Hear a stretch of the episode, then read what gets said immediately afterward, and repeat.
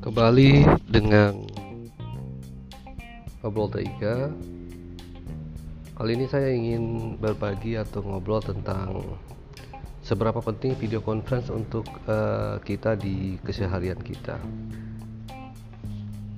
Bisa jadi uh, semua aplikasi telekonferensi harus kita install di laptop, di handphone.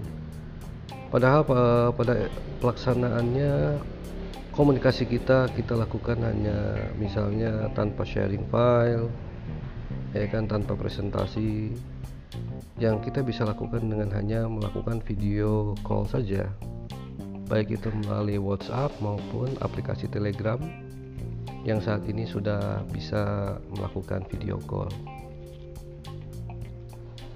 Tapi jika jika kita diundang untuk uh, video conference maka pastikan kita sudah memiliki aplikasi video conference tersebut. Misalnya Microsoft Teams ya kan Dropbox Google Meet uh, Lark. Kemudian uh, aplikasi video conference lainnya. Dan jika kita hanya ingin uh, melakukan uh, konfirmasi ya kan kemudian wawancara, kemudian uh, konfirmasi, mungkin kita bisa cukup lakukan dengan hanya melakukan video call saja.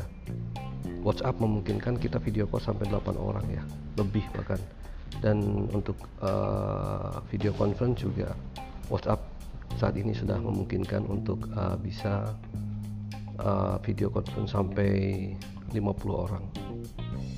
Oke, okay, ngobrol TIK hari ini Cukup sekian dan kembali